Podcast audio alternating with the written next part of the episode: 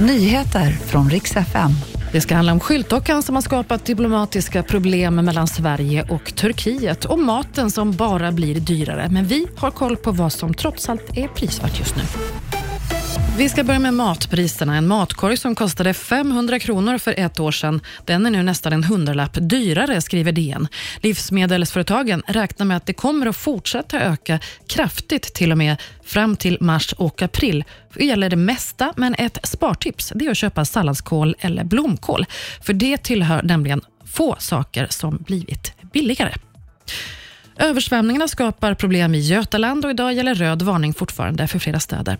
Rött det är den högsta nivån och det gäller övre Viskan mellan Borås och Ulricehamn. Vattenmassorna de hotar flera viktiga vägar, bostäder och kommersiell verksamhet. Och en skyltdocka har skapat internationell uppmärksamhet sista dagarna. I princip en diplomatisk kris mellan Sverige och Turkiet. Det handlar om en skyltdocka utklädd till Erdogan som hängdes upp utanför stadshuset i Stockholm.